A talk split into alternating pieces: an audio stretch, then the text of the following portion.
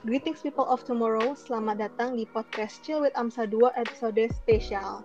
Salam kenal semua, aku Melani sebagai host pada podcast kali ini.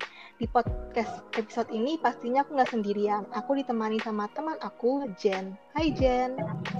Hai Melani, hai semuanya. Aku Jen, hari ini aku yang bakal jadi co-host podcast kali ini. Pasti udah pada penasaran kan hari ini kita bakal ngobrolin apa sih di podcast ini? Bener banget. Hari ini kita bakal membahas topik yang pastinya bakal seru banget dan bermanfaat banget nih. Kita hari ini akan membahas soal tuberkulosis dalam rangka memperingati Hari Tuberkulosis Sedunia. Wah, bakalan seru banget nih ya kayaknya Melani. Jadi dengerin terus nih podcast kita sampai akhir karena bakalan banyak banget manfaatnya. Kita bakal bahas apa itu tuberkulosis, cara pencegahannya, dan pastinya juga treatment buat tuberkulosis tersebut. Iya dong, dan yang pasti kita nggak cuma berdua nih teman-teman.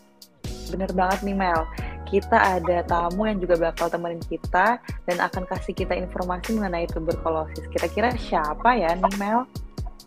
Nah, teman-teman semua, kita bakalan ditemenin oleh tamu spesial kita, Dr. Lilia Angela. Halo Dr. Lilia Angela. Halo. Sebelumnya terima kasih dok uh, sudah menyempatkan hadir di podcast kami dan mau ngobrol bareng kami di podcast Skill with Amsa ini. Mungkin dokter Lilia boleh nih menyapa teman-teman dan memperkenalkan diri terlebih dahulu seperti sekarang kesibukannya lagi apa ya dok? Iya halo teman-teman, nama saya Lilia. Uh, sekarang saya kesibukannya saya jadi dokter umum di salah satu rumah sakit yang ada di Tangerang. Sama oh ya juga lagi nutor di FK. UPH. Oh, tutor. Berarti uh, pembimbing PBL ya dok ya? Oh, gitu. Oke dok, terima kasih dok udah menyempatkan waktu sekali lagi. Nah kita udah nggak sabar banget nih dok mau ngobrol tentang tuberkulosis. Sebelumnya nih dok kan banyak yang belum tahu nih tuh, mengenai tuberkulosis ini.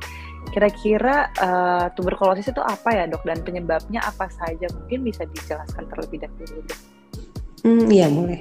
Jadi tuberkulosis itu sebuah infeksi bakteri ya, infeksi bakteri yang sebenarnya yang secara umum sih banyaknya dia menyerangnya di paru-paru. Cuman tidak menutup kemungkinan juga dia tuh uh, menyebarnya juga di luar paru-paru ya, bisa di tulang, di kelenjar, di perut.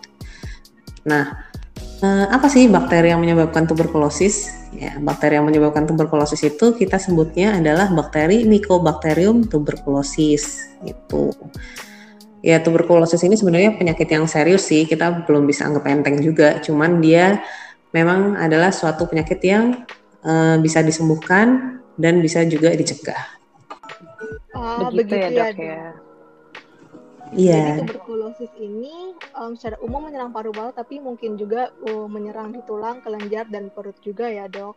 Mm-hmm. Uh, pertanyaan selanjutnya dok, untuk tuberkulosis itu gejalanya apa saja ya dok? Hmm, gejalanya sih yang paling sering adalah uh, kita lebih fokus ke TB paru mungkin ya, yang paling sering terjadi nih di orang-orang. Kalau TB paru biasanya dia datang tuh batuk, batuknya eh, relatifnya lama gitu ya, atau kita sebutnya kronis. Bisa lebih dari dua minggu, tiga minggu. Terus batuknya biasanya berdahak, kadang-kadang malah batuknya bisa sampai berdarah juga. Kemudian juga pada beberapa orang itu ada yang mengeluhkan uh, penurunan berat badan meskipun tanpa usaha untuk diet gitu ya, atau mengurangi makanan. Kemudian juga kalau malam itu biasa ada keringat malam, bisa juga disertai demam, lemas, terus nggak mau makan.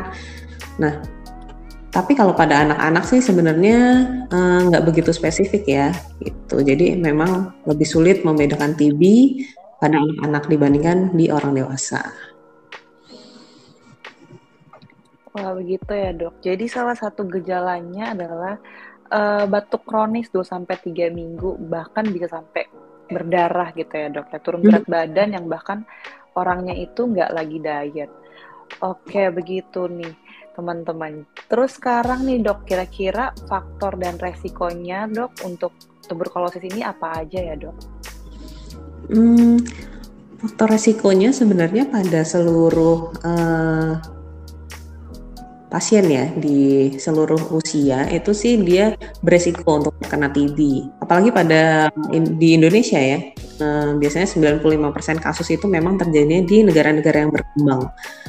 Tapi orang-orang yang dengan imunitasnya lagi rendah, contohnya dengan orang-orang yang dengan uh, HIV, HIV/AIDS, itu terus habis itu ada kondisi yang memang dia autoimun atau dia imunokompromis, jadi dia imunokompromis adalah kondisi yang sistem imunnya itu lebih rendah memang dari orang-orang biasanya uh, dan pada orang-orang yang nutrisinya terganggu gitu ya itu juga bisa merupakan salah satu faktor resiko terjadinya tuberkulosis. Gitu. Penggunaan alkohol, penggunaan merokok itu juga sangat-sangat uh, meningkatkan ya faktor resiko terjadinya tuberkulosis. Wah, itu ya teman-teman beberapa faktor resiko. Salah satunya adalah jika kita mengonsumsi alkohol ataupun rokok. Mm -hmm. uh, baik, um, tuberkulosis ini awalnya dideteksi dan bagaimana kita tahu kalau seseorang sudah terpapar tuberkulosis? Nah, sebenarnya yang paling bisa kita lihat dari awal tentu saja uh, gejala klinis ya, gitu. Jadi gejala klinis, uh, gejala yang tadi dari awal sudah kita bahas seperti batuk, batuknya berdahak, terus kadang ada darah yang tadi, kadang juga ada sakit di dada, lemes, uh, terus penurunan berat badan, demam, keringat malam. Tapi untuk mendiagnosisnya benar-benar setelah kita uh, setelah pasien tuh merasa ada gejala tersebut dan berobat ke dokter gitu ya, uh, yang bisa kita lakukan untuk mengkonfirmasi diagnosis tuberkulosis ini adalah dengan menggunakan foto ronsen dada atau X-ray di dada. Jadi nanti kita bisa melihat apakah ada perubahan uh, gambaran yang ada di paru-paru Uh, jadi apakah memang betul ditemukan adanya infeksi tuberkulosis di paru-paru pasien? Selain itu kita juga bisa konfirmasi juga dengan melakukan tes dahak gitu ya. Jadi kita ngambil uh, dahak pasien sekitar tiga, tiga kali gitu ya dalam tiga hari. Jadi kita bisa periksa di dalam dahaknya pasien itu apakah betul memang ada uh, bakteri Mycobacterium tuberculosis yang mau kita cari. Nah, kalau pada anak-anak kan agak sulit nih ya kalau kita minta pasiennya untuk batuk gitu dan mengeluarkan dahak. Kalau pada anak biasanya ada pemeriksaan yang lain seperti pemeriksaan mantuk kita. Jadi pemeriksaan mantuk itu kita masukkan suatu uh, reagen gitu ya ke dalam ke bawah kulit. Kemudian nanti kita lihat apakah ada hasilnya positif atau negatif gitu. Atau kita ada pemeriksaan lain juga di laboratorium dengan sampel darah gitu. Oke, begitu ya dok ya. Ternyata bisa didiagnosis melalui ronsen dada, melihat gambar paru, tes dahak, ambil dahak pasien, kita lihat nih apakah ada bakteri Mycobacterium tuberculosisnya. Mm-hmm. Selanjutnya nih dok, untuk komplikasi dari tuberkulosis ini ada apa aja ya dok? Uh, dan tuberkulosis sendiri itu dapat memberikan gangguan apa aja gitu dok? Nah, uh, tuberkulosis ini kalau kita sampai kelewat gitu ya dan tidak ditangani dengan cepat, dia memang bisa jadi fatal gitu. Dia bisa uh, jadi kan menyerangnya lebih ke paru-paru. Kalau di TV paru, dia pasti bisa uh, semakin menyebar di paru-paru, jadinya membuat komplikasi di paru-parunya. Tapi dia bisa juga nyebar lain juga, misalnya jadi uh, bikin adanya kerusakan pada sendi, kemudian adanya nyeri pada daerah tulang belakang gitu. Terus bisa juga dia karena ini namanya infeksi, infeksi seluruh infeksi itu dia bisa menyebar uh, ke seluruh tubuh juga gitu. Jadi nanti bisa menyebar ke uh, lapisan otak juga, jadi meningitis namanya. Kemudian juga uh, karena um, infeksi ini berusaha dilawan ya dalam diri manusia diri kita berusaha melawan infeksi ini gitu. Jadinya uh, organ-organ tubuh kita seperti liver atau hati ginjal itu juga pasti akan terkena gitu ya. Ya kemungkinan itu sih kalau kita gagal untuk mendeteksi dan mengobati TB secara secepatnya gitu Begitu nih teman-teman, jadi komplikasi beberapa komplikasi dari tuberkulosis seperti kerusakan sendi, nyeri pada tulang belakang, dan bisa menyebar ke infeksinya itu bisa menyebar ke tubuh bagian lain seperti lapisan otak, liver, dan hati nih teman-teman. Baik dok, uh, untuk mengatasi tuberkulosis sendiri ini obatnya apa saja ya dok? Atau apakah ada treatment yang bisa dilakukan untuk mengobati tuberkulosis um, dan apakah bisa diobati sendiri dok tanpa konsultasi? Hmm, hmm. Nah, meskipun TB tadi adalah kondisi yang serius, um, tapi kalau untuk ke kematian asal ditangani dengan baik sih ini sangat jarang sekali ya gitu.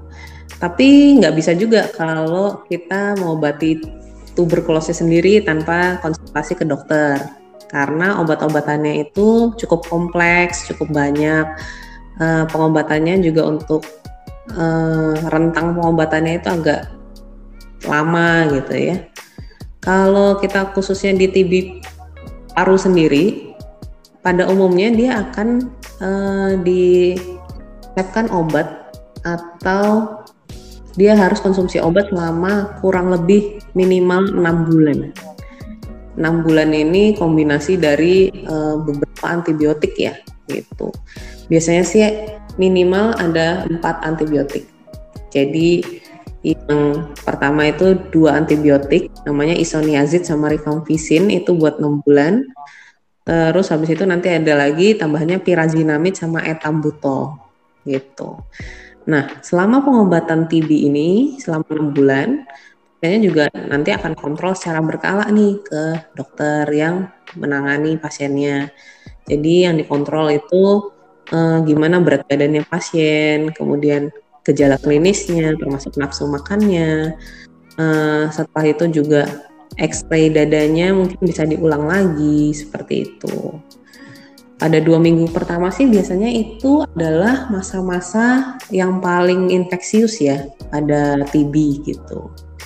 Jadinya hmm, memang harus sabar-sabar nih untuk konsumsi dan pengobatan TB-nya gitu. Harus uh, apa ya harus sangat sabar sekali sih karena uh, obatnya mungkin tidak akan langsung sekejap uh, memberikan langsung ringan gitu gejalanya. Jadi biasanya hmm, butuh beberapa minggu dulu baru dia obatnya mulai bekerja gitu. Jadi bekerja dalam artian dia memberikan uh, gejalanya jadi lebih ringan. Ya. Tapi rata-rata setelah sudah dua minggu sudah melewati masa infeksius, hmm, kebanyakan orang itu udah nggak akan infeksius lagi dan gejalanya juga udah lebih baik dari pertama kali pasiennya datang gitu. Nah, tapi ya harus tetap diminum obatnya sesuai resep yang diberikan. Jadi jangan kebanyakan orang-orang sudah merasa lebih baik, terus habis itu dia stop, tidak konsumsi obatnya lagi. Itu karena kan bosan juga ya minum obat selama enam bulan kan lama banget gitu. Dan minum obatnya juga uh, kemungkinan ada satu bosen dua dia ada keluhan-keluhan yang lain. Misalnya mungkin ada mual. Hmm, memang ini salah satu tantangannya ya dalam pengobatan tuberkulosis Oke, begitu nih teman-teman kira-kira udah dicatat belum nih treatment yang bakal dilakukan. Salah satunya itu dengan cara konsumsi obat minimal 6 bulan, beberapa antibiotik, Lalu juga kontrol berkala ke dokter, X-ray dada diulang kayak gitu ya dok ya. Oke, selanjutnya nih dok, kira-kira apakah ini merupakan penyakit yang menular? Bila iya, apakah yang harus dilakukan untuk mengurangi penularannya dok? Uh, iya, kalau penyakit ini memang menular sekali ya uh, untuk penyakitnya apalagi tadi yang pas kita bahas di awal uh, dalam dua minggu pertama sangat sangat sangat infeksius sangat menular gitu nah uh, yang harus kita paling penting lakukan untuk mencegah penularannya adalah menyelesaikan pengobatan dengan baik ya sesuai dengan uh, saran dari dokter minimal enam bulan tadi karena ini adalah cara yang paling uh, oke okay untuk melindungi diri sendiri sama melindungi orang-orang di sekitar kita gitu. Kalau kita sebagai orang yang terkena TB. Jadi hmm, Soalnya kalau ini juga salah satu yang penting. Kalau tidak diselesaikan sesuai course atau tidak sesuai uh, regimen yang dianjurkan, justru nanti si bakteri itu bisa kembali lebih kuat lagi gitu. Jadi dia bisa resisten namanya terhadap pengobatan TB yang biasa. Nah, itu yang lebih uh, mengancam ya daripada pengobatan TB biasa. Karena berarti obat-obatnya itu harus dipilih obat-obat yang uh, tingkatnya lebih tinggi lagi seperti itu. Dan itu kemungkinan kesembuhannya juga lama-lama semakin lebih kecil dari pengobatan TB yang lebih sederhana. Uh, komplikasinya juga kemungkinan lebih tinggi juga gitu. Jadinya ini yang lebih sulit ya untuk mengobatinya. Jadinya yang bisa kita lakukan nih untuk mencegah uh, atau mengurangi penularannya. Seandainya kita sudah terkena TB, ya kita harus isolasi mandiri juga ya kayak COVID. Jadi sementara kalau kita terkena TB, apalagi 2-3 minggu awal, itu kita jangan masuk sekolah dulu, jangan masuk kerja dulu sampai uh, tim dokter atau tim treatment pengobatan TB-nya itu tuh sudah mengizinkan kita untuk cukup aman nih untuk kembali ke kegiatan sehari-hari gitu. Kemudian kita juga harus selalu uh, menutup mulut kita nih gitu. Waktu kita bersin, terus habis itu batuk atau tertawa, berbicara gitu ya. Pakai masker juga. Nah, uh, kan pada TB ini sering banget nih batuk ya. Nah, jika batuk, kita batuk-batuk pakai tisu, jangan langsung tisunya itu dibuang secara uh, biasa gitu ke tempat sampah, tapi harus ditutup sama plastik dulu, baru bisa aman dibuang. Lebih bagus lagi dibuangnya nanti di plastik yang uh, infeksius gitu ya, atau plastik bening. Jangan lupa juga untuk ventilasi juga harus selalu dijaga ya. Kalau ada jendela itu sebaiknya dibuka supaya ada pertukaran udara yang segar masuk gitu. Dan jangan tidur pada ruangan yang sama sama orang yang lain gitu, apalagi orangnya negatif. Karena ya, bisa aja di dalam tidur itu kita batuk atau bersin tapi nggak sadar gitu. Jadinya kita bisa menularkan orang yang uh, tidur di samping kita. Nah, begitu teman-teman. Jadi dua minggu pertama itu kan sangat menular nih. Jadi kita perlu isolasi mandiri. Terus juga uh, harus ada ventilasi pertukaran udara nih. Jangan tidur sama orang lain. Begitu nih kira-kira teman-teman. Selanjutnya nih dok, untuk pertanyaan. Uh, pertanyaan terakhir nih dok. Dari dokter sendiri, apakah ada cara pencegahan dan tips untuk para pendengar podcast kita kali ini, Kak dok? Untuk pencegahan TB sendiri ya. Nah, pencegahan TB selain yang tadi di atas sudah kita bahas, eh, jadi benar-benar memang harus jaga jarak ya sama orang yang tidak terkena TB.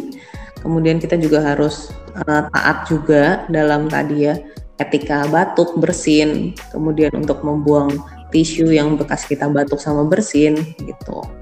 Dan hmm, yang paling penting adalah jika kita memang sudah merasakan batuk agak lama uh, dan gejala-gejala yang lain, harus segera mencari bantuan uh, medis gitu. Jangan terlalu dibiarin lama-lama ya.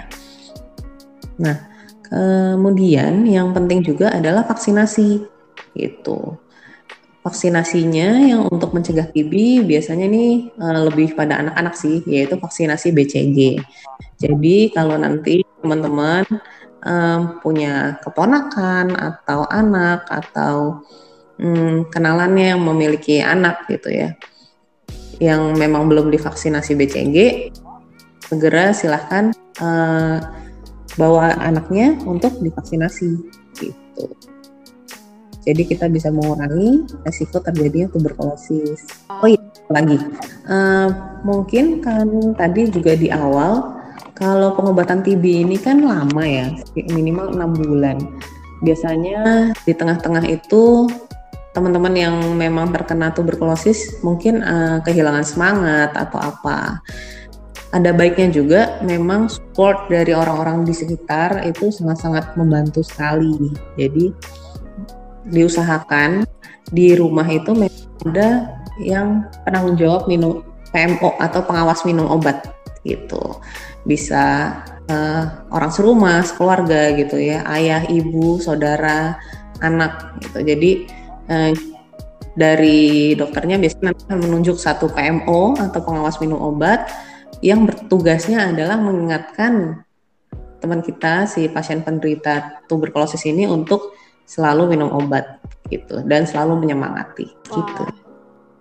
Baik dok, jadi untuk pencegahannya kita harus jaga jarak, lalu kita harus taat etika batuk dan bersin juga, dan paling penting itu jika kita jika sudah merasakan gejalanya kita harus langsung ke dokter. Dan jangan lupa untuk anak yang punya anak kecil bisa divaksinasi dengan uh, vaksinasi BCG ya dok, dan jika kita punya keluarga yang mempunyai um, yang mempunyai penyakit mensupport selalu ya dan harus ada untuk pengawas minum obatnya ya dok. Iya. Nah teman-teman jangan lupa nih dicatat dan karena ini sangat sangat sangat bermanfaat banget nih teman-teman dan nggak kerasan habis waktu kita sayang banget padahal aku masih pengen banyak tanya nih sama dokternya. Wah iya nih Mel, podcast kali ini sangat bermanfaat dan pastinya nggak akan berjalan lancar kalau nggak ada narasumber kita yaitu Dokter Delia Ejala. Oke, people of tomorrow, makasih banyak sebelumnya untuk Dokter Delia udah mau nemenin kita hari ini dan udah mau banyak sharing mengenai tuberkulosis. Terima kasih teman-teman. Baik, terima kasih dok. Dan yang pasti kita juga mau berterima kasih sama teman-teman yang udah dengerin podcast kita ini sampai akhir. Semoga bermanfaat dan sampai ketemu di podcast Chill with Amsa episode berikutnya. Dadah!